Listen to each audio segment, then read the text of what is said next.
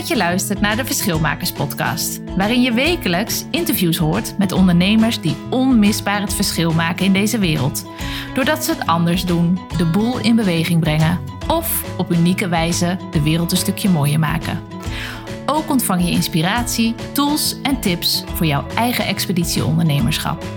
Ik ben Marleen Toxopeus en ben business coach voor verschilmakers. Kijk op marleentoxopeus.nl voor meer informatie en ik wens jou heel veel plezier met deze podcast. Hey, leuk dat je luistert naar deze podcastaflevering met een interview met Mandy Ladan. Stel je voor, je bent op meerdere vlakken van je leven al bezig met duurzaamheid. En dan word je zwanger. Het moment dat bij vrienden en familie alle remmen losgaan op het gebied van babyshoppen. Mandy Ladan was al met zwangerschapsverlof, dus dat is een paar weken voor de bevalling, toen ze alle overvloed voelde. Ze had alles al voor haar ongeboren dochter, terwijl tegelijkertijd aan de andere kant van de wereld zoveel moeders het veel moeilijker hebben om hun baby een goede start te geven. Het idee voor Mama Love was ontstaan. En nog voordat haar dochter geboren werd, had ze zichzelf al gekoppeld aan drie moeders in Oeganda, Ghana en Ecuador. Zo ontving ze na de geboorte ook geen kraamcadeaus, maar donaties om die moeders en hun baby's een betere start te kunnen geven. Ja, het is super gaaf natuurlijk dat er zo niet één, maar twee kindjes geboren werden. Namelijk haar dochter en haar stichting Mama Love. En hoe ze te werk gaat voor Mama Love en waarom ze dat doet, dat hoor je in dit podcast-interview. En ik wens je heel veel luisterplezier. Vanmiddag is bij mij thuis uh, Mandy Ladan van Mama Love. Ik denk dat uh, veel van jullie uh, haar vast al wel kennen. Want er is heel veel te doen geweest in de positieve zin van het woord rondom Mama Love en Hooked on Giving vorig jaar. En ik hoop dat we daar heel veel over mogen gaan horen van jou. En welkom. Dankjewel. Leuk om hier te zijn. Ja, heel leuk dat je er bent. En uh, je bent al helemaal podcast-expert of spreekexpert bijna. Want je zei dat je al vijf of zes podcast-interviews uh, de afgelopen twee maanden had. Geweldig. Ja, klopt. Ja, en de grap is dat het eigenlijk altijd um, wel weer een andere richting opgaat. Uh, dus een gesprek is vaak uh, qua insteek dat het bijvoorbeeld over mama's gaat of over, uh, nou ja, Stichting Mama Love dus. Maar uh, ik weet nooit van tevoren welke richting het gesprek op zal gaan. Dus daarom vind ik dat zo leuk. Want al die zes podcasts die er al staan, uh, gaan allemaal over iets anders. Ja, ah, leuk. Nou ja, deze zal ongetwijfeld hopelijk ook weer, uh, weer anders zijn. Voor de mensen die jou nog niet kennen, wie, uh, ja, wie ben je en wat, wat doe je? Yes, nou ik ben Mandy Ladan en ik ben 34 jaar oud. Ik ben founder en directeur van Stichting Mama Love. En ehm, dat heb ik in 2011 bedacht. En dat was ook het moment waarop ik mijn eerste dochter kreeg. Ik heb twee dochters. Um, ja, misschien kan ik meteen kort vertellen ja, vertel. wat uh, Mama Love is en wat wij doen. Um, Stichting Mama Love koppelt zwangere vrouwen in Nederland aan zwangere vrouwen in ontwikkelingslanden. Die ongeveer gelijk uh, hun kindje verwachten. En na de geboorte van het kindje hier in Nederland vragen de ouders geen uh, kraamcadeautjes, maar een donatie voor de moeder en baby in het ontwikkelingsland. En Mama Love koopt lokaal in de landen zelf dan een pakket met babyspullen voor die moeder en baby. Dus wij gaan uh, in die zin een beetje de overconsumptie tegen hier in het ja. Westen. En uh, nou ja, helpen daar eigenlijk moeders uh, ja, door een betere opstart te geven um, voor het leventje van hun kindje. Wauw. En je hebt al meer dan 2000 uh, moeders en baby's geholpen, ja. las ik. Ja, dat klopt. Ja, we zijn komend jaar eigenlijk negen jaar hier al mee bezig. En uh, het begon als een hobby eigenlijk. Als iets wat ik naast mijn baan deed en wat ik had opgezet omdat ik uh, zelf dus zwanger was. En die overvloed aan cadeaus eigenlijk ervaarde en er iets anders voor wilde verzinnen. Ja. Eh, en ik had zelf ook nooit bedacht dat negen jaar later dit echt mijn baan zou zijn. En eh, ja, dat we nu in negen verschillende landen werken. Eh, ik heb een team van veertien mensen, contactpersonen in die landen. Ehm, ja, en dat we dus al meer dan 2000 moeders en baby's dus aan die pakketten hebben mogen helpen. Ja, ongelooflijk. En hoe, want ik vind het verhaal, nou, hoe, je de, hoe het ontstaan is eigenlijk wel heel mooi. Je was zelf zwanger.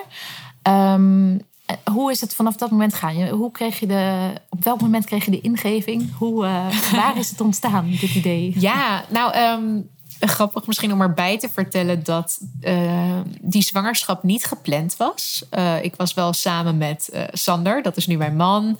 En wij wisten wel dat wij ooit het leuk zouden vinden als het ons gegund zou zijn om ouders te worden samen. Ehm, maar ik was 24 toen ik zwanger uh, werd. En um, nou is dat misschien voor heel veel uh, moeders een hele uh, prima leeftijd om voor het eerst zwanger te worden. Maar ik moet zeggen dat uh, wij nog helemaal niet in die fase zaten. En onze vrienden ook niet. Dus het was een, een, een verrassing. Koplopers. ja, inderdaad. En, maar dat maakte ook dat, dat ja, voor de meeste mensen was het dus het eerste kindje. En, en ja, per toeval ook het eerste kleinkind voor de grootouders. Um, het eerste kind in de vriendengroep. Dus iedereen helemaal los op het gebied van baby shoppen. En ons huis werd al heel snel gevuld. En uh, nou ja, toen kwam er op een dag het moment dat ik me besefte en even goed om me heen keek. En, en nou ja, ik weet exact het moment dat ik mama af bedacht was dat ik de uh, kast van onze dochter, die toen nog uh, in mijn buik zat, aan het vullen was met kleertjes die we hadden gekregen. En toen besefte ik me, nou, er is werkelijk waar niets wat wij nog nodig hebben het komende jaar. Want ik had voor elke maat uh, babykleding had ik een volle plank. Iedereen had zich uh, goed, uh, had goed ja, ja.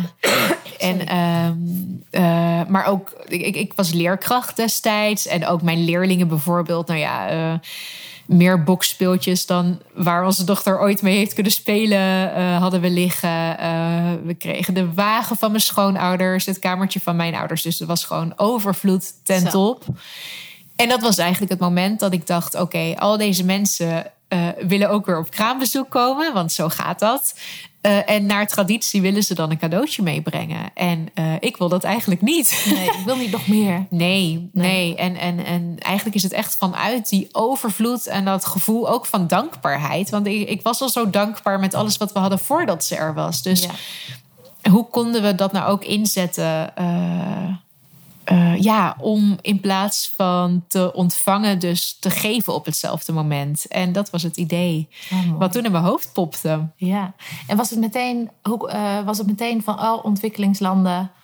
Uh, was het meteen helemaal helder? Was het een, want soms heb je van die ideeën dat je denkt in drie zinnen: oké, dit is het. En dan is het negen jaar later ook zo. Ja. Uh, en soms kristalliseert het zich langzamer uit. Hoe uh, was het meteen helemaal. Ja, eigenlijk wel. Clear? Ja, want het, het Mammalaf-concept is ook in drie zinnen uit te leggen. En dat is altijd wel zo gebleven als dat ik het toen die avond bedacht.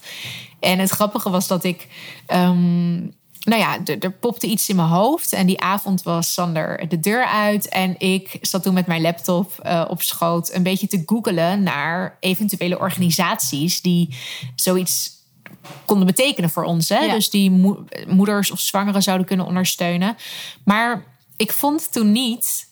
Hm. Uh, wat ik in gedachten had. En ik dacht, nou, het, het, het zal heus niet zo zijn dat ik hier uh, de eerste ben die dit bedenkt. Want nee. het is zo simpel. Nou ja, maar al googelend kwam ik er dus niet op.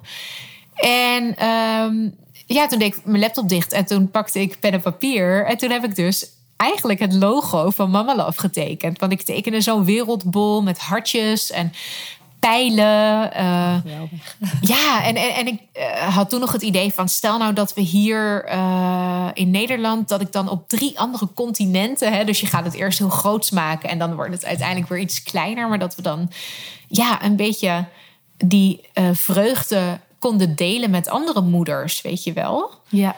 En ja, dat was toen eigenlijk die avond zo bedacht. En ik had het ook meteen uitgetypt. En ik dacht, wat heb ik nodig contactpersonen. Ik heb mensen nodig in ontwikkelingslanden die mij dus kunnen helpen met het zoeken naar zwangere vrouwen.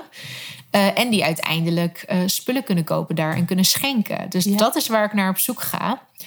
En ik had al, ja, ik had veel gereisd ook wel in mijn leven. Maar ik had ook bijvoorbeeld in een studentenhuis gewoond hier in Den Haag. Uh, met 26 man, waarvan ik ook wist van nou, daar is ook het een en ander uitgewaaierd over de wereld. En uh, uh, ik stuur gewoon iedereen, maar ook letterlijk iedereen. Ik had mijn um, adresboek in Outlook.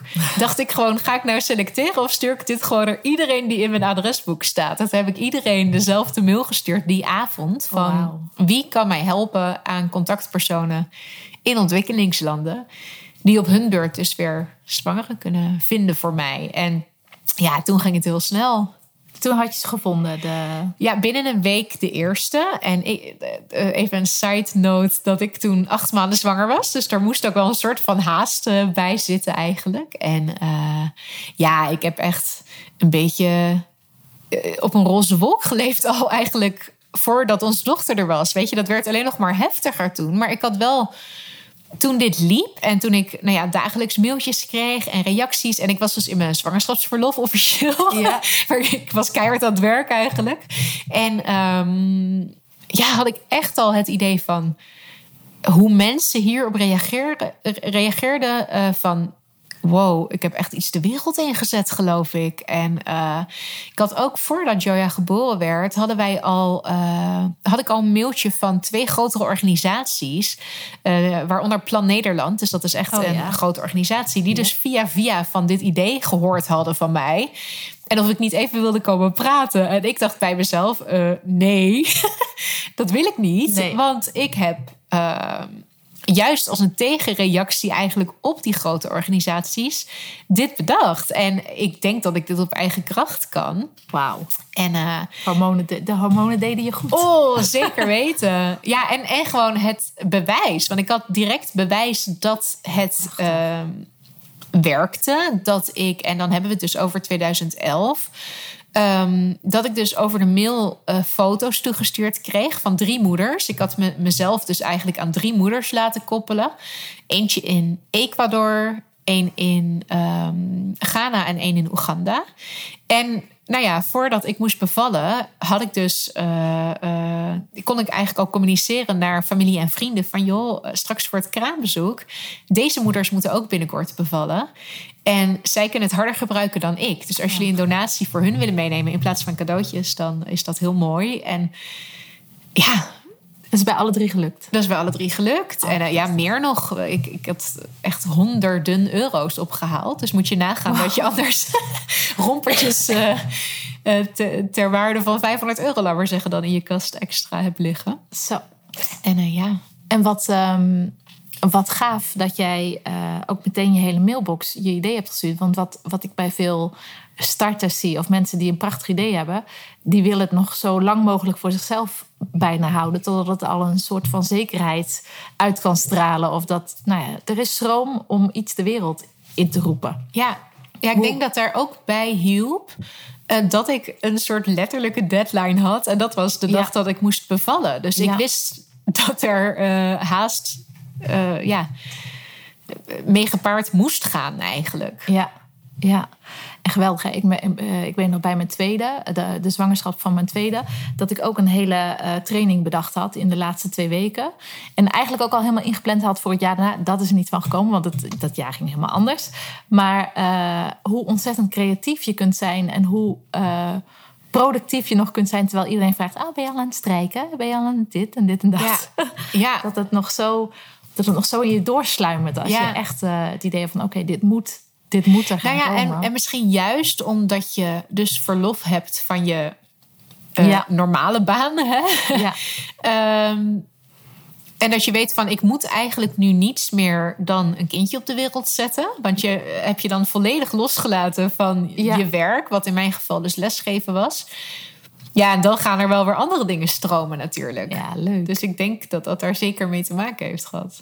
En hoe is het vanaf toen gegaan? Want je hebt nu, uh, nu is jouw stichting zoveel, uh, acht jaar of negen jaar later? Uh, nou ja, Beetje komend zo... jaar negen jaar, want mijn oudste dochter, Joya, wordt negen. Dus ik kan het ja. altijd daaraan afmeten. Ja, ja ah, leuk. Um, want je bent nu negen jaar verder. Hoe is het in die tussentijd verlopen als je het, als je het globaal schetst? Want je hebt het nog een hele lange tijd naast je baan gedaan, ook als leerkracht. Ja, ja zeker. Kijk, um, Mamalaf is echt ontstaan als een soort antwoord op een probleem dat ik zelf ervaarde. Ja. Ehm, maar niet dat ik dacht: wow, dit wordt een worldwide organization. Weet je wel? Ik, ik uh, dacht, nou ja, wie weet mag ik dit ook wel een keer voor andere zwangeren doen. Dus nou ja, hoe, hoe het gelopen is.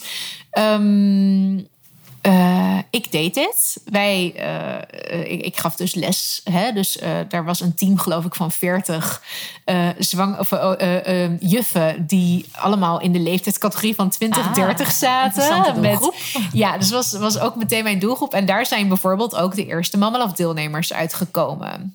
collega's en oud-collega's die mij benaderden van... joh, wij willen dit ook heel graag doen. Kun je ons helpen? Dus dat was eigenlijk het startpunt.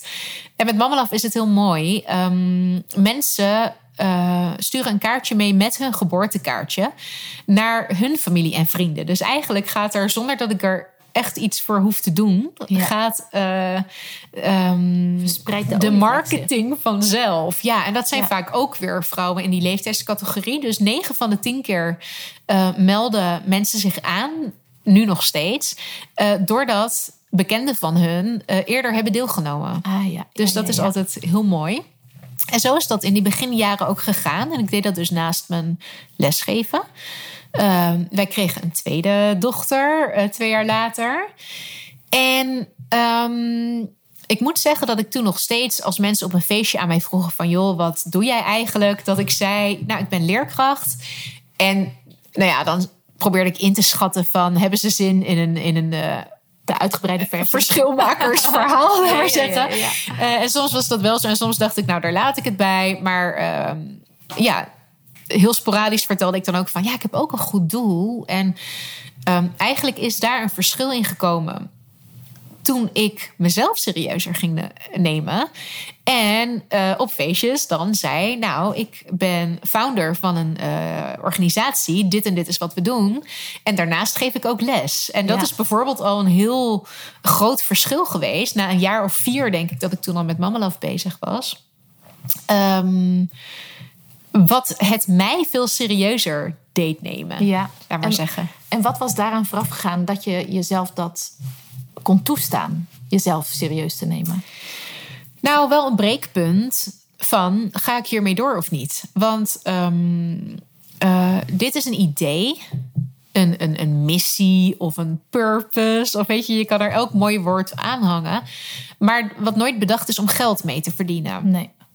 Um, sowieso, een stichting heeft geen winstoogmerk. En heel lang, vooral de eerste jaren, dacht ik... ik ga er niet eens aan beginnen om daarover na te denken. Want, uh, nou ja, laten we het ook even niet... Uh, uh, of, of, laten we het ook even noemen, dat er ook een stigma heerst natuurlijk om um, uh, stichtingen die, uh, waar, waarvan directie geld verdient. Ja. Of de ja, zogeheten strijdsstok. reactie voor de grote organisaties. die zich aandienen. Ja. Ja. ja. Ja. bijvoorbeeld. En ik dacht, joh, ik wil niet eens eraan gaan beginnen. Um, eigenlijk was ik zelf de grootste criticus. Want ik denk, als ik toen al om me heen had gevraagd van joh aan bekenden en zo van hoe zouden jullie er tegenover staan als ik hier uiteindelijk ook geld aan ga verdienen dat niemand raar zou hebben gekeken. Want er nee. zaten flink wat uren per week in. Maar ik was dat zelf gewoon nog heel erg aan het tegenhouden. Intern of ja. zo. Of met het verhaal dat ik mezelf vertelde. En nou ja, daar kwam op een gegeven moment dus een breekpunt dat ik merkte van ik ben wel heel veel uur in de week eigenlijk hiermee bezig. Ja. En ik kreeg er ook erg veel energie van, dat wel. Maar ik had mijn lesgeven, twee uh, kleine kinderen natuurlijk, uh, allebei onder de drie. Um, uh, drie misschien, banen naast elkaar. Ja, misschien kan een beloning op zijn tijd, weet je wel, zou ook wel mooi zijn. En dan ga je nog helemaal door het proces van, ja, hoe ga ik hier ooit geld aan verdienen? Hè? En dat, dat gaat zich allemaal uiteindelijk vormen. Ja. Maar um, ja, ik denk, ik denk dat op een van die breekpunten eh, ik op een gegeven moment het besef had van oké, ik moet mezelf een ander verhaal gaan vertellen. En dat begint bij noemen Ja. eh, aan de wereld van ik ben founder en directeur van Mama Love. Ja, ja, ja, Hè, ja, dat is al zo'n titel of zo. En ik moet zeggen dat ook, laat maar zeggen, er gebeurtenissen waren... waardoor ik elke keer wel weer gesterkt werd in mijn eh Mama Love droom. En dat kwam altijd op momenten dat ik even niet lekker zat of zo. En, eh, Ah, dat het, af, het afhaken dichterbij was dan... ja, eh, ja. En, eh, heb je een voorbeeld van zo'n gebeurtenis? Ja, in 2015. Eh, dat was ook wel weer zo'n breekpunt moment. Eh, toen won ik heel onverwacht de Mama of the Year Award. Oh, ja, super mooie titel. Ik denk dat je nooit meer zoiets eh, eh, zal winnen ooit natuurlijk. Eh, dat was van zo'n eh, magazine en daar hoorde heel veel media-aandacht bij. Nou ja, heb ik in kranten gestaan en in een blad. En ik mocht een jaar lang bloggen voor dat magazine. En wauw. Dus dat maakte best wel een hoop los op dat moment. En het was vooral bevestiging. Dat ik dacht van, wauw. Want elke keer weer dacht ik bij mezelf van... zelfs na vier of vijf jaar van... Het zal toch wel al bestaan of zo. Ik was Ja, nog ja, ja. steeds niet Er van dat idee af. eh, ja. ja, en eh, nou ja, eh, dat was er één. Ehm, twee jaar later had ik mijn vaste baan in het onderwijs opgezegd. Als een soort bold move. Ja. een statement van ik ga proberen om hier gewoon echt mijn geld mee te gaan verdienen. Dat was op zich te vroeg hoor. Ik heb toen wel uiteindelijk weer een baan aangenomen. Maar net na het opzeggen van mijn vaste contract eh, werd ik uitgenodigd door premier Rutte. ja, je verzint het niet. Eh, ja, die, die, eh, ik weet nog steeds niet helemaal hoe ze bij mij zijn gekomen. Maar die nodigt dan elk jaar eh, een stuk of twintig onbekende Nederlanders uit. Die dus iets goed doen voor Oh, wauw. een ander. Goed zo. eh, op het katshuis. En eh, nou ja, had ik een lunch met Mark Rutte. Ja, eh, hoe verzin je het? Maar dat, was leuk. Ja, Een leuke wereld. Zeker, ja. En, en, en ook weer bevestiging van ja, als zelfs de premier van het land hier brood in ziet, dan moet ik hier vooral mee doorgaan. En Ja. nou ja, dat zijn voorbeelden van elke keer weer Een boost. boosts voor Ja. mezelf. Ja. Ja. En want ik ben heel nieuwsgierig eh, naar het moment, want je zei, ik had mijn baan opgezegd als leerkracht en was dan wel te vroeg misschien.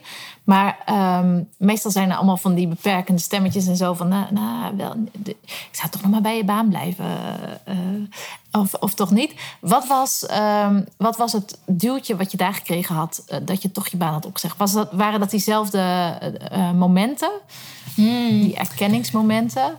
Of Ehm, was het je partner die zei van ga er nou voor?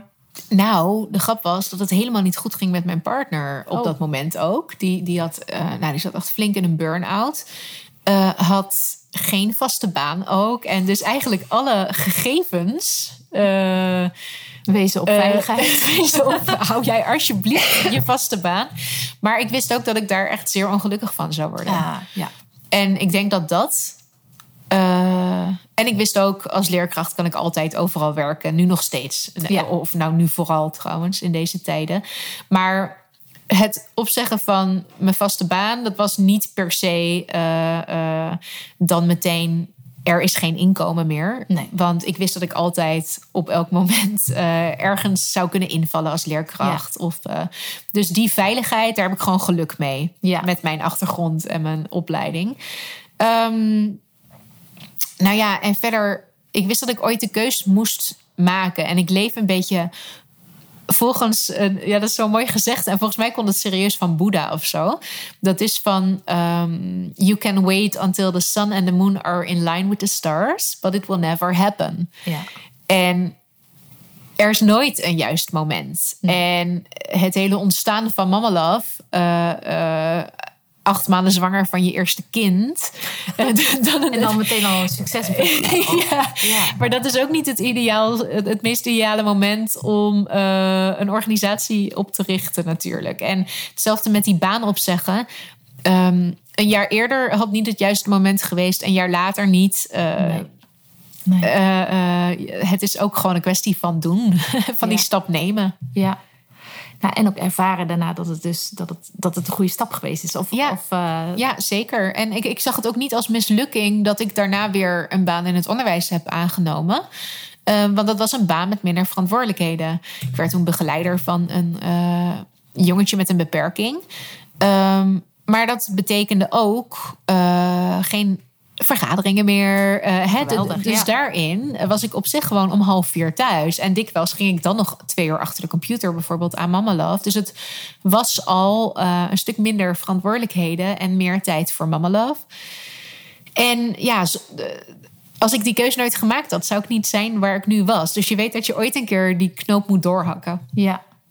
En nu was ehm, vorig jaar volgens mij best wel een heel belangrijk jaar voor jou en Mama Love. Ehm, oh, wacht, ik moet eerst een andere vraag stellen. Namelijk over, ben je een bewuste of een onbewuste verschil maken? Want je bent vrij bewust, maar ook onbewust, bijna onbewust onbekwaam begonnen als verschilmaker. Ja. Hoe, hoe, zie je, hoe zie jij jezelf? Zie jij Nou jezelf ja. als bewuste of onbewuste? Nou, ehm, voor mij heeft dat verschil maken dus niet zozeer met mijn baan te maken. Of, of, of baan in de zin van eh, eh, waar je je brood mee verdient. Eh, ik ben Mama Love begonnen als verschilmaker. Ja. Eh, ik denk dat ik meer onbewust begonnen ben met ondernemen. Want ik denk dat ik al zeven jaar aan het ondernemen was. En toen door had van, oh, maar, maar, ben ik dan eigenlijk ondernemer? Ik vond het een heel ander woord en ik had er een heel ander beeld bij. Dus het verschil maken, dat deed ik heel bewust. Maar het ondernemen, Ja. eh, zeker niet. Ik denk dat ik misschien pas anderhalf jaar of zo eh, mezelf als ondernemer zie. Wanneer, wanneer viel dat kwartje het meest eh, dat je ondernemer was? Was het iemand die het tegen je zei? Of was het, was het een moment dat je ergens stond? Of, Ja, ik heb ook twee keer op die lijst gestaan. Ik weet niet of je dat kent van de FIFA 400. Dat is Ah, een lijst ja, met dan ja. 400 eh, inspirerende vrouwen. En die, eh, daar werd ik dus voorgesteld, laat maar zeggen, of in dat blad als Mandy Ladan, onderneemster eh, eh, en wereldverbeteraar. dacht ik, onderneemster, onderneemster. Ik helemaal niet. Wie heeft dat nou bedacht? En toen ging ik eigenlijk verder bladeren. En toen zag ik, ik was dan de categorie wereldverbeteraar, was ik voor genomineerd. Oh, wauw. Ja, heel leuk. En dan tot twee keer toe trouwens. Dus dat was ook wel lachen.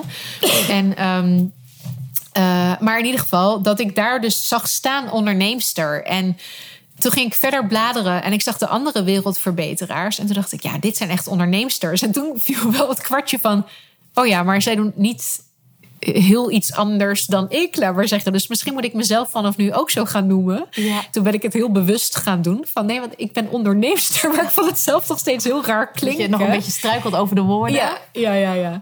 En nu, nu eh, ja, denk ik dat ik alle vakjes kan aankruisen van ondernemer zijn. Ja. Ja. Ja. Ah. En eh, nou, dan nu de vraag van... eh, over vorig jaar was een eh, groot jaar voor jou. Ja. Een sleuteljaar noemde je het net zelf. Voor een mooi woord. Ja. Kun je daar wat meer over vertellen? Over wat er allemaal gebeurde vorig Ja. jaar? Nou ja, we zijn nu net 2020 begonnen en ik heb best wel veel gereflecteerd ook eh, in de kerstvakantie.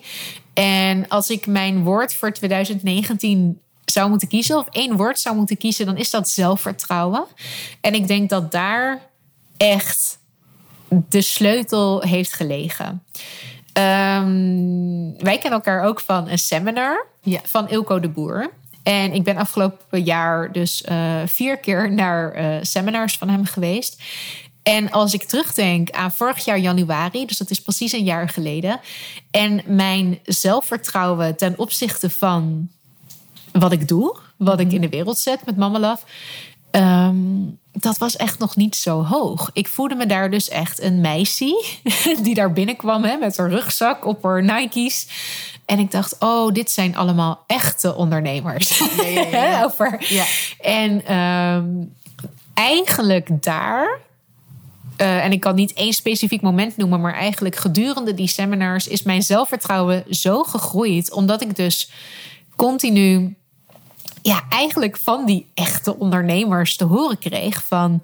Wauw, jij doet echt wat ik ook wil doen, bijvoorbeeld. Hè? Of Ja. dat- je een soort van beseft ineens van.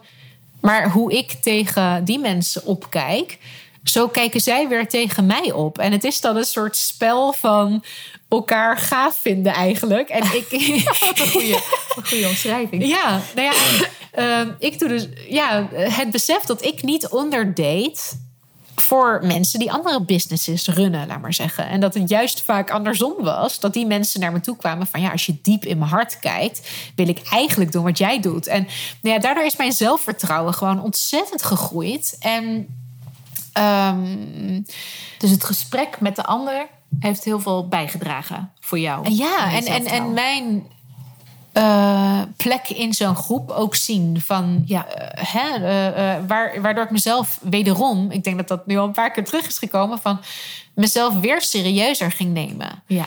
En ehm, voor mij kwam een heel. dat is echt het sleutelmoment geweest. Dat was afgelopen zomer bij een seminar ehm, van Ilko de Boer en Dolly. Um, en er was Andre Norman. Nou, jij hebt hem ook gezien. Ehm, heel kort voor de luisteraar. Dat is een ex-crimineel eigenlijk. Top, top, top, top, top crimineel. Ja, uit Amerika. Grote, uh, donkere gast. Uh, hij heeft 14 jaar in de bak gezeten. En hij kwam daar aan ons, uh, en ik citeer hem eventjes, want volgens mij noemde hij ons toen a bunch of white privileged people. Ja, ja. uh, kwam hij ons even zijn inspiratieverhaal vertellen. En dat uh, raakte mij enorm. En zijn verhaal is in het kort, nou ja, dat hij eigenlijk zelfs in de gevangenis misdaden beging. Waardoor hij elke keer langer en langer en langer in de gevangenis moest zitten. En op een gegeven moment kreeg hij zijn epiphany. Of uh, ja, voor iedereen is dat anders. Maar uh, sprak God tot hem, zei hij, geloof ik. En had hij zoiets van: oké, nu is mijn moment. Als ik nog iets van mijn leven wil maken, dan moet ik er vandaag aan beginnen. En um, één zinnetje, dat weet jij ook vast nog. Ik denk iedereen die daar geweest is, die mij gewoon bijbleef van... Oké, hij kwam dus uit die gevangenis. En er waren gewoon allemaal mensen uh, die hem nog steeds wilden vermoorden. Ja, ja. en dat hij dus ook zoiets zei van... And what's your excuse? Ja. Uh, uh, are there any gangsters trying to kill you? Weet je wel? En toen, het was ook de sfeer en het moment, maar toen dacht ik zo: ik heb geen excuus om, om. Wat is nou mijn excuus om niet hier full on voor te gaan? En ik bedacht me ineens, terwijl ik daar zat, van uh, de belemmeringen die ik nog heb, uh, bijvoorbeeld om uh, gewoon geld te verdienen met Mama Love. Ehm, dat gaat over belemmeringen die ik als persoon in mij heb. Ja. In, in mijzelf heb en met allemaal overtuigingen van mijn ouders weer, enzovoort, enzovoort. Patronen Wie heeft ze niet? Ja. Ja, ja. Maar toen bedacht ik me ook, maar Mama Love dat ben ik niet. Dat is mij al lang ontgroeid. Ja. Ik heb dit bedacht, maar het idee en wat we aan het doen zijn en waar in de wereld we allemaal al aan het werk zijn, dat ga ik toch niet, daar ga ik toch niet mijn eigen kleine stemmetjes van invloed op laten zijn. Ah, dat is een mooi inzicht.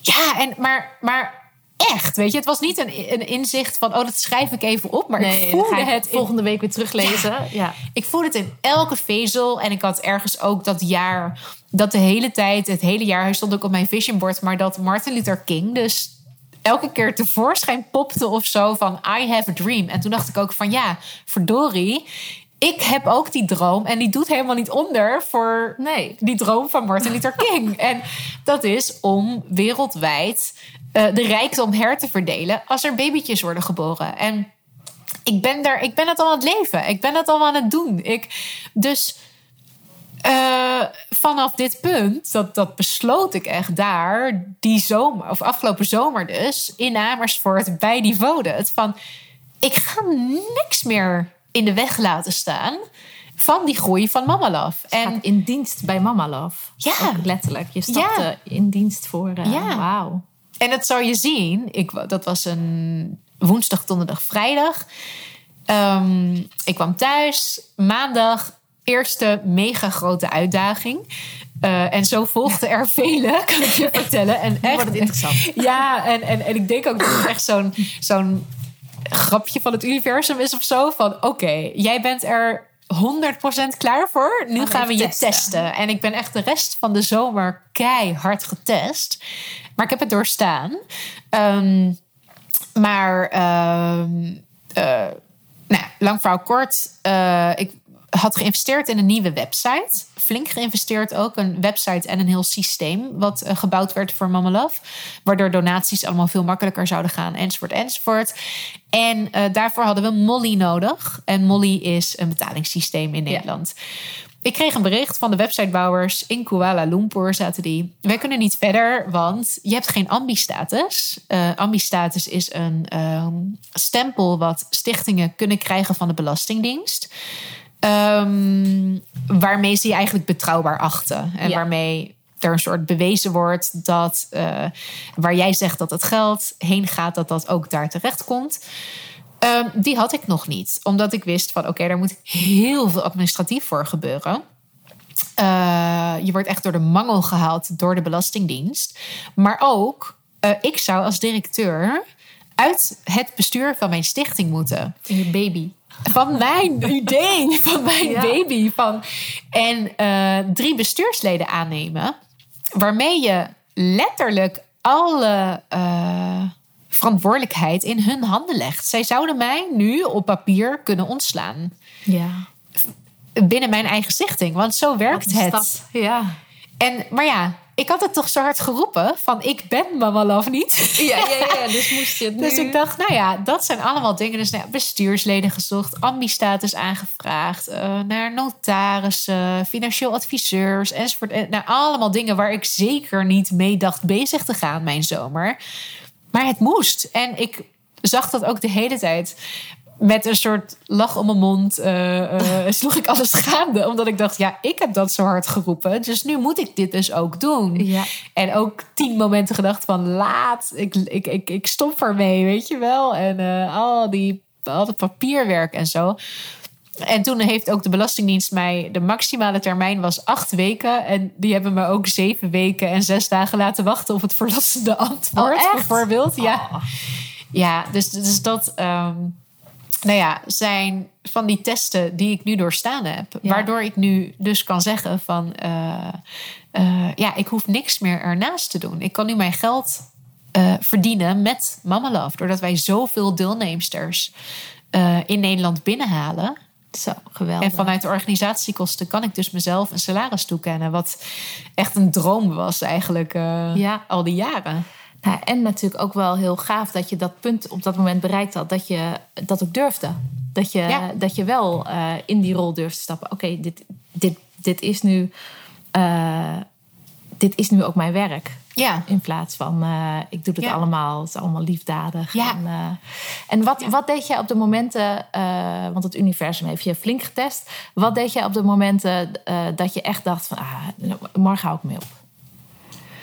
Nou ja, heel Had je dan gezegd... mensen om je heen die, waar je naartoe kon? Of heb je een soort heb je een denktank om je heen? Of supporters? Of ja. ga je je helemaal zelf kapot mediteren? Wat, uh, wat, wat, wat, helpt jou om er weer uh, ja, doorheen te gaan? Ik, ik, ik denk heel eerlijk gezegd dat ik nooit dat heel serieus heb overwogen om ermee te stoppen. Maar het is Nee. meer iets wat je af en toe roept, natuurlijk. En voor mij persoonlijk helpt eh, schrijven, schrijven, schrijven, schrijven in mijn eigen boekje. Ehm, eh, ik moet zeggen dat ik gewoon gezegend ben met een soort van positieve grondslag. Dus ik Nou, dat is fijn. eigenlijk elk verhaal wat ik opschrijf, dat eindigt wel weer positief of zo. Dat, ja, dat is een beetje, ja, gewoon heel optimistisch. Ja. Ehm, maar dat is, ja, dat is iets op die momenten. Dan denk ik, wat heb ik nu nodig? En ja, juist, dat klinkt een beetje lullig, maar juist geen advies van mijn man of zo. Want die gaat dan toch alleen maar. Die, die, altijd als ik om advies vraag, dan zit hij ook al heel angstvallig te kijken van ja, maar wat ik ook zeg, het is toch verkeerd, Ja, weet ja, je wel. Dus op dat soort momenten kan ik eigenlijk altijd alleen maar mezelf uh, om raad vragen. En mijn advies is echt om zo min mogelijk andere mensen om raad te vragen. Want uiteindelijk zeggen mensen heel vaak wat zij denken dat jij wilt horen. En als jij in een vibe naar ze toe gaat van uh, nou, en dit uh, klopt er niet en dat niet en dat, weet je, dan zouden ze je wel eens dat advies kunnen geven Ja. van misschien moet je daarmee stoppen. ja. En eigenlijk wil je dat natuurlijk niet horen. Nee. Oh, mooi. hè. Het is Ja. mooi, mooi hoe, je dat, hoe je dat ziet. Ja, Wauw. Je hebt het gewoon gedaan. En toen kwam er nog, nog, uh, kwam er nog een heel mooi moment. Want uh, vorig jaar heb je een fantastisch uh, evenement met een aantal dames en heel veel andere mensen gerealiseerd. Hooked on Ja. Giving. ja. Hoe is dat op je pad gekomen? Want het is wel leuk om aan de luisteraar te vertellen hoe dichtbij kansen soms liggen. Ja, Ehm, nou ja, alle eer gaat sowieso naar Mirjam Hegger. Ja. Zij is echt de initiatiefnemer en organisatrice van Hooked on Giving, een benefiet evenement voor Mama Love. En zij is tevens business coach en heeft een podcast. En zij eh, hoorde mij praten bij Ilko de Boer bij een seminar. En zij, eh, dit heeft ze ook letterlijk in een podcast genoemd, maar ze zei: Ja, ik zat een beetje in te dutten. En toen had een. Toen hoorde ik een meisje, zei ze ook, hoorde ik de microfoon pakken. En toen dacht ik, wacht even, wie is dit? Weet je wel? En, en ja, toen kwam ze naar me toe van, ik wil jou echt interviewen. ehm, voor haar Hooked on Business podcast. En dat hebben we toen gedaan. Dat werd een heel leuk gesprek. En zij en haar man Sander, die, ook, eh, die heet ook Sander, die eh, ook business coach is, die hadden zoiets van: ja, we willen eigenlijk meer doen met ons bedrijf voor Mama. En eh, zo is eigenlijk het zaadje geplant voor Hooked on Giving. Dus gewoon door je verhaal te delen. Je bent elkaar tegengekomen. Ze Ja. vindt het een mooi verhaal. Ja. Gaat met je podcast nog even verder kletsen. Ja, En toen zei ze gewoon, we gaan, dat, eh, we gaan het doen. ja. en dat werd ook echt. eh, ik wou zeggen van kwaad tot erger, maar dat, In de positieve zin. in de positieve Ja, zin ja, ja, dus. Van, ja. Want het idee was om, eh, nou ja, we hebben het gehad over een diner voor tien ondernemers om geld op te halen. Toen eh, werd het een soort. Dachten we, ja, we kunnen ook een soort programma doen. Misschien twintig ondernemers. En nou, al met al zijn er honderd eh, kaarten verkocht. Van 100 euro per stuk. Dus reken maar uit. eh, voor een event in Rotterdam in oktober. Waar we sprekers als Thijs Lindhout eh, op ons podium hadden staan. Die het ook voor niets deed dus. eh, Simone Levy. Fantastisch. Eh, ja, echt heel erg veel mensen die dit met ons, laat maar zeggen, mogelijk hadden gemaakt. En iedereen deed het vanuit charity, weet je wel. Echt om samen iets neer te zetten. En als ik terugkijk naar dat Hooked on Giving... dat is echt ook een soort van viral gegaan op, op Ja, Instagram. En iedereen had het erover. En, en in, mensen... in de nieuwsbrief kwam het ook weer naar voren. Ja. Wie, wie het ook was. En in de PS, eh, Ja. eh, vrijdagavond is, eh, kun je niet, dan doneer dan wel. Ja. Zo heb ik nog gedoneerd. Ja, Dat, heel leuk. Ja. Ja, en uiteindelijk is die opbrengst... Nou ja, het is nog steeds bizar als ik het uit mijn mond hoor komen. Maar dat is 17.188,50 euro geweest. En dus veel meer nog dan enkel die kaarten. Maar er waren nog allemaal initiatieven. Eh, er was iemand die opstond en zei tijdens die avond... ik doneer 2500 euro. En nou ja. Ehm, andere business coaches die, laat maar zeggen, ook met elkaar nog een programma hadden samengesteld dat mensen konden kopen en waarvan ook de opbrengst naar Mama Love ging. Nou ja, echt, echt bizar. Kon je dat allemaal bevatten op dat moment? Van, eh, Nee. Toen je op die avond was? Of moest je eerst even uitstuiteren Ja, om, het, eh, om te realiseren wat er gebeurd was? Ja nou, ik, ik zat er wel helemaal in. Ik was echt duizend procent daar, laat maar zeggen. Maar dat bedrag, wat ik zeg, als ik dat zie staan ergens, of ik had laatst het nog in een nieuwsbrief zelf gezet naar iedereen die die avond er ook was, eh, dan denk ik, het is zoveel geld. Het is zoveel geld. En ik heb dat op zo'n mooie manier in kunnen zetten ook. Want ik heb toevallig dus laatst iedereen een terugkoppeling gestuurd. Want dat vind ik heel belangrijk. Want daar draait Mama Love om. Om transparantie. En dat mensen weten wat ermee gebeurt. En eh, bepaalde eh, dingen waar het geld heen is gegaan, dat zorgt echt voor zo'n groei. En eh, dat betekent niet dat eh, ik er veel meer werk bij heb, maar dat betekent dat we dus veel meer moeders en baby's kunnen helpen in die ontwikkelingslanden. Geweldig. Want we- om een beeld te krijgen, wat, wat eh, kon je er bijvoorbeeld mee doen met het, eh, met het bedrag? Wat heb je er mee Ehm, kunnen zetten? Nou ja, verschillende dingen. We hebben sowieso, eh, er stond al een reis gepland naar eh, Ghana. Daar ben ik eh, afgelopen maand geweest.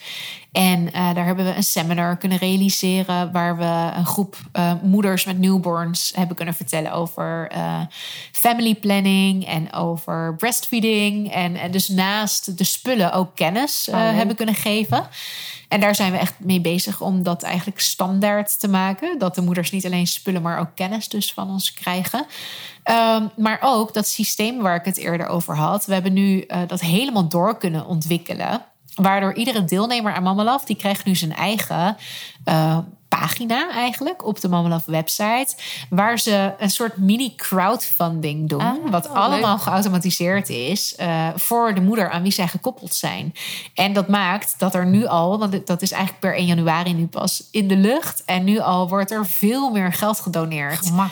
Eh, ja. Veel gemakkelijker. Maar mensen krijgen ook veel meer een beeld van eh, wat het is. Nou, ik merk dat de aanmeldingen meteen omhoog schieten. Want het is veel makkelijker voor mensen om eh, nou ja, even door te klikken naar Ja. wat Mama Love dan doet. En ehm, in heel veel opzichten zorgt dit voor enorme groei. En dit hebben we nu gewoon helemaal zo uit kunnen ontwikkelen. Waar, eh, waarvan ik eerst. eh, het was een plan wat op de plank lag. Weet je Ja. wel? Van nou, uiteindelijk zou dat zijn. fantastisch zijn, weet je wel. En nu had ik ineens dat geld. Ja. En ik had zoiets, ja, nu is dan ook de kans, weet je wel. Dat geld Ja. ga ik niet op de rekening laten staan. Nee. Eh, hoe kunnen we dat nou zo goed mogelijk inzetten... waardoor we gewoon nu en in de toekomst... veel meer moeders en baby's kunnen helpen. Ja, fantastisch. Ja, En wat ik ook zo mooi vind aan het evenement is dat, dat iedereen ook eh, gegeven heeft. Eh, niet alleen geld, maar ook al die mensen hun, nou, hun expertise, hun status, hun, alles is Ja. samengekomen. Enorme energieboost, ook wat er van afkwam. Ehm, dat zijn allemaal verschilmakers, maar er zijn ook heel veel verschilmakers in mijn eh, ogen die eh, de stap misschien nog niet durven te nemen om eh, het verschil te gaan maken. Of die net aan het begin staan en die tegen die grote mensen aankijken van oh, wat is iedereen succesvol en verder dan ik. ja. Heb jij een tip voor verschilmakers in de dop? ja, Wat zou je iedereen kunnen ja, wensen of aan kunnen raden? Ja, nou ja, het is misschien niet wat iedereen wil horen, maar ik denk dat het zaadje van het verschil dat je wilt maken, ehm, de- dat nooit een doel moet zijn om daar heel veel geld mee te verdienen. Of nooit je eerste doel moet zijn, laat Nee, ik het zo zeggen. Precies. En ik denk dat daar, als ik omheen kijk, gaan veel dingen eh, eh, mis. Of die eh, worden dan in de kiem gesmoord eigenlijk. Hè? Omdat ehm, eh, mensen ook een heel businessplan aanhangen. Of een verdienmodel of dit of dat. Maar ik denk dat geven, want verschil maken is geven. Ja. En geven moet altijd eh, voorop staan en dan ontvangen. Ja. En als ik gewoon kijk naar mijn verhaal, weet je wel hoe dat bij Mama Love is verlopen, dan heeft altijd geven centraal gestaan, waardoor ik nu ook kan ontvangen. Ja. Eh, maar ik denk dat de intentie voor het maken van een verschil, Ja. dat geven voorop moet staan. En dan kun je ook veel meer incasseren. Ja, Dan, want al die momenten gaan komen dat je denkt Ja. van, oh, ik zie niet meer zitten. Ik kan, kan het eh, weer, een, eh, weer een tegenslag, et cetera. ja, Maar als je intentie eh, geven is, inderdaad, dan, denk, de- dan denk ik, of dat is mijn aanname, maar dan kun je makkelijker incasseren en weer doorgaan. ja, en dan zijn je verwachtingen misschien ook realistischer. Ja, op die manier. En ik denk, eh, het, het is heel anders als je commercieel wil ondernemen. Ja, dan heb je één doel en dat is winst maken. Ja. natuurlijk. En ik denk met dat verschil maken, hoe ik het zie. Want je kunt natuurlijk op heel veel verschillende manieren verschil maken. Maar even vanuit mijn Mamalove oogpunt. ehm, ja, is winst maken nooit het doel. Ik mag officieel niet deze winst maken als Nee. eh, stichting zijnde. Ik heb geen winstoogmerk.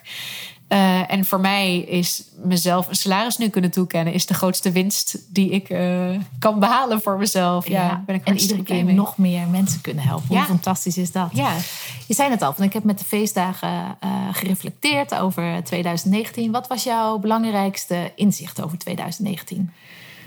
Ehm, dat uiteindelijk, en dat is misschien niet eens heel 2019, maar misschien mijn leven tot nu toe, dat alles draait om wat jij jezelf vertelt in je hoofd. Laat Ja. maar zeggen. Of, hè, want je kan eh, op cursus gaan of in therapie voor stemmetjes van anderen, maar er is maar één stem belangrijk, en Ja. dat is je eigen stem. En daar valt of staat alles bij. En, en ga maar na, eh, als je terugkijkt naar je leven waar dingen minder goed gingen, dan ben je altijd eh, in je hoofd, laat maar zeggen, eh, eh, daarvoor aan het zorgen. Ja. Met dat stemmetje in je hoofd. En ik denk, nou ja, mijn woord was dus zelfvertrouwen. Dat heeft ook alles te maken met het verhaal dat ik mezelf al die jaren vertelde. En nu niet meer. Nee. En ik denk eigenlijk dat we echt, echt, echt moeten stoppen met alleen maar advies vragen aan mensen. En alleen maar moeten luisteren naar meningen en voorbeelden en dit en dat. Maar dat je maar naar één stem moet luisteren. Ja. En daar de tijd voor moet nemen en daar de rust voor moet zoeken. Ehm, en dat is je eigen stem. En voor de mensen, want er zijn. eh, ik, ben het, ik ben het er compleet mee eens en het inspireert me ook meteen voor de volgende vraag. Ehm, want voor heel veel mensen die al duizenden trainingen, weet je, al die online, gratis online challenges, die het hele internet afgaan om maar een soort bevestiging te krijgen die ze dus niet krijgen, want dat, hoor je, je- dat, dat hoort vanuit jezelf te komen. Hoe kun je daar, als jouw stem nou continu tegenspreekt, hoe kun je eh, hoe kun je daar een positief verhaal van maken? Volgens jou. Nou ja, ik denk van nature dat jouw stemmetje het altijd goed met je voor heeft. Ja. En als jouw stem je de hele tijd tegenspreekt, dan is dat wellicht een teken dat je niet op het pad bent wat je moet volgen. Ehm, en verder in praktische zin, denk ik, vooral als dingen gewoon niet willen lukken. Juist dan, dan zou je denken dat een advies zou zijn van eh, ga inspirerende, hè, ga, ga allemaal YouTube-filmpjes kijken, eh, dit en dat en dat. Nou ja, maar juist dat stuk eigenlijk van juist stil worden en niet zo bezig zijn met wat iedereen doet en zo, dan kan juist dat stemmetje wat je tegenspreekt, kan ook super waardevol zijn, want dat zegt je misschien wel van, nee, Ja. hier moet je mee stoppen. Vertrouw op je eigen stem dus ook. Ja, Ook al is hij negatief, vertrouw op en vraag hem uit. Dat, Ja, eh, ja, en vooral, ehm, ja, ik denk dat het goed is om gewoon één of twee mensen dicht bij je te hebben staan, waarvan je weet van, hier neem ik het advies van aan, weet je Ja. wel? Want dit is advies wat echt in eh, my best interest of zo is. Weet je, Ja. ik kom even niet op het Nederlandse woord, maar Ja. dat zij er niet baat bij hebben of zo. Of het nou goed of slecht gaat bij mij. Maar dat ze echt advies geven op een situatie. Nou, ik, ik heb wel twee mensen die dat voor mij zijn. Maar meer moet je gewoon eigenlijk niet willen. Nee. Ja, want het is ook weer een soort van ruis wat je krijgt. Ja. Je kan misschien tegenspreken en dan dit en dat en Ja. en zo. Ja, Wat een mooi, eh, wat een mooi advies. En wat een mooi, wat een mooi inzicht. Wat een mooi, eh, ja. mooie woorden. Ik heb hier nooit eerder over nagedacht. Grappig. Maar Nee. dat weet je dan uit moeten trekken. Maar, Ja. ja. Ah, leuk. Nou, ik word er stil van. Ehm, waar kunnen mensen eh, meer over jou vinden? En over Mama Love natuurlijk. Want iedereen gaat nu, gaat nu kijken, toch? dat, dat hopen we. ja. Ehm, nou ja, dat staat op mijn website eigenlijk. Daar kun je alles vinden. Dat is eh www.mamalove.nl. Maar dat schrijf je niet zoals je denkt dat je het schrijft.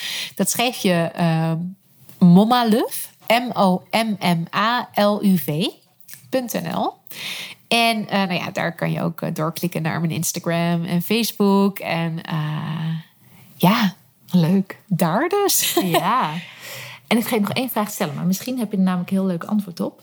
Is er ehm, iets waar jij inspiratie vanuit vandaan haalt? Bijvoorbeeld een podcast of een boek of een, een persoon. Eh, heb jij een inspirator of een inspiratiebron die je wilt delen met de luisteraars? Ja, nou, ik heb. eh, het verschilt bij mij altijd heel erg per periode waar ik in zit. Maar ik heb toevallig pas een prachtig boek gelezen. waarvan ik eigenlijk wil dat iedereen het leest. Eh, de monnik die zijn Ferrari verkocht, heet Oh. dat boek. Dan ben ik de schrijver even kwijt, zeg. Is dat die Nederlandse schrijver? Nee, Oh, nee, is een die businessman. Ah, oké. Nee. De monnik die zijn Ferrari verkocht. En nou ja, dat is toevallig mijn meest recente boek. Maar ik hou er dus echt van om eh, ja, inspirerende boeken te lezen. En dit is dus echt geschreven als een eh, verhaal, als een soort sprookje. eh, van de wijze van Sivana heet dat dan. Waar, nou ja, al zou je de rest van je leven alleen maar de lessen uit dit boek volgen, dan heb je een pretty good life, denk ik. Dan, eh, hè, en, en, en ook dat, ik heb dat gelezen net voordat ik op reis ging naar Ghana. En dan. eh, dat verslonst ook wel weer een beetje natuurlijk. Hè? Want heb je net zo'n boek gelezen, denk je van ik ga dit doen en dat. En alles klinkt dan zo Logisch. logisch. Want ik denk ook dat Ja, we moeten vooral niet inspiratie gaan zoeken uit hele moeilijke dingen. Uiteindelijk komt het altijd neer, elk boek wat je leest of elke TEDx-talk of, of wat dan ook, wat je, wat je hoort, uh, komt het altijd neer op luister naar jezelf, uh, loslaten. Het zijn altijd uiteindelijk een soort van vier levenslessen. Ja. Waar alles altijd weer op. Ja, ja, En, en nou ja, ik haal dat dus heel graag uit boeken. En uh, ik heb een uh, mastermind groepje. Uh, dat woord doet het eigenlijk al te niet, groepje. Maar dat zijn, nou ja, we zijn met elkaar dus vier ondernemers. En nou ja, we hadden donderdag weer met elkaar afgesproken. En dan zitten we ook in een café. En dan, dan uh, buitelen we over elkaar heen, laat maar zeggen, van inspiratie. Oh, en we inspireren leuk. elkaar dus ook zo erg. En um, nou ja, mijn advies is dus van, van ga echt voor die like-minded people, laat maar ja. zeggen. En, en dat is ook, als ik naar 2019 kijk, dan heb ik ook veel nieuwe mensen ontmoet. Uh, waarvan ik nu denk van, nou, ik kan me eigenlijk niet meer voorstellen ik kan ze niet meer wegdenken uit mijn leven eigenlijk. Oh, wauw. Ja. Wat een, mooi, en, uh, wat, een, wat een mooi zijjaar, wat een mooi oogstjaar. Ja, zeker. ja. Ja, dus, dus, dus dat. Ja, Ja. like-minded people vinden uh, waar je gewoon energie van krijgt, weet je wel. Die zijn Ja. echt overal te vinden. En ja, ik heb er ook uh, wat seminars bijvoorbeeld voor afgelopen. Maar als ik dan kijk van ja, het allergrootste wat ik daaruit gehaald heb... is eigenlijk de contacten die ik er heb opgedaan. Hè? Dus Ja. soms hoef je niet naar een seminar te gaan... om dan van de goeroe heel veel nieuwe inspiratie te krijgen. Nee. Maar dan kan het dus juist degene zijn die naast je op de stoel zit te luisteren... Ja. naar Ja, hetzelfde zeker. verhaal. Ben ik het helemaal mee eens. En ehm, heb je ook een woord bedacht voor 2020 voor jezelf? Of Ja. doe je dat meestal achteraf? Nee, nee, heb ik Wil je gedaan. hem delen? Of is het, eh, te- te- het is misschien wel heel intiem? Heb je, Ja, nee, eh, eh, jij, jij zei het net, heel grappig. Jij noemde het net in je vorige zin, geloof ik. Oogsten heb ik. Ah, oké. Ja, 2019 is echt investeren geweest. Naast alle andere mooie dingen, maar ook, eh, eh, ook in geld, moet ik zeggen. Eh, qua nieuwe website en, en nou ja, allemaal dingen die, er, Ja. die erin zijn gekomen. En ik heb zoiets van, ja, alles staat nu. En ik heb nog niet alles geïmplementeerd. En dat wordt het voor 2020. Ik denk niet dat ik heel veel nieuwe dingen weer de wereld in ga gooien. Want wat er staat is gewoon fantastisch. En ja, implementeren en oogsten. Want ik heb. En lekker hard blijven werken hoor. Want ik hou Ja. daar gewoon van. Ik wou zeggen, ik heb er hard voor gewerkt. En met oogsten bedoel ik zeker niet achterover gaan Nee. zitten. En, eh, Dat doet een boer ook niet. Nee, nee, dat klopt. Dat nee, hardste- oogsten is ook werken. Maar keihard werken, ja. Ja, en dat dat. eh, ja, en oogsten. Kijk, eh, met mijn beroep dus betekent oogsten dat heel veel moeders meedelen in die oogst. Ja, ja fantastisch. Ja. Nou, dat vind ik echt prachtige laatste woorden. Heb ik nog een vraag niet gesteld aan je, waarvan je denkt van. eh, want volgens mij kunnen we nog wel een uur langer Ja. kletsen. Maar we gaan het afronden. Maar heb ik nog iets, eh, ben ik nog iets vergeten te vragen? Nee, ja, ik vond het eigenlijk weer een heel mooi gesprek zo. eh, Ja. Ik ook. ja. En vooral die laatste afrondende zin, prachtig. Ja. Nou, mensen weten waar, je ze kunnen, waar ze jou eh, kunnen vinden in Mama Love. En ik wens je echt eh ja, superveel oogstplezier. Dankjewel. En, en bedankt dat je er was. Graag gedaan. Ben je geïnspireerd geraakt door deze aflevering? Dan zou ik het heel tof vinden als je anderen attendeert op deze podcast. Dat kan op social media. Maak een screenshot van je podcast-app terwijl je luistert. En deel deze afbeelding in je social story of tijdlijn. En tag mij met hekje Marleen Toxopeus. Of je laat een review achter op de app waarmee je luistert. Dat is veel eenvoudiger dan het klinkt. Je gaat naar beoordeling en recensie en laat een sterren- of een tekstbeoordeling achter. Op deze manier help je mij om nog meer ondernemers te inspireren om ook het verschil te maken met hun bedrijf of idee. Bedankt voor het luisteren.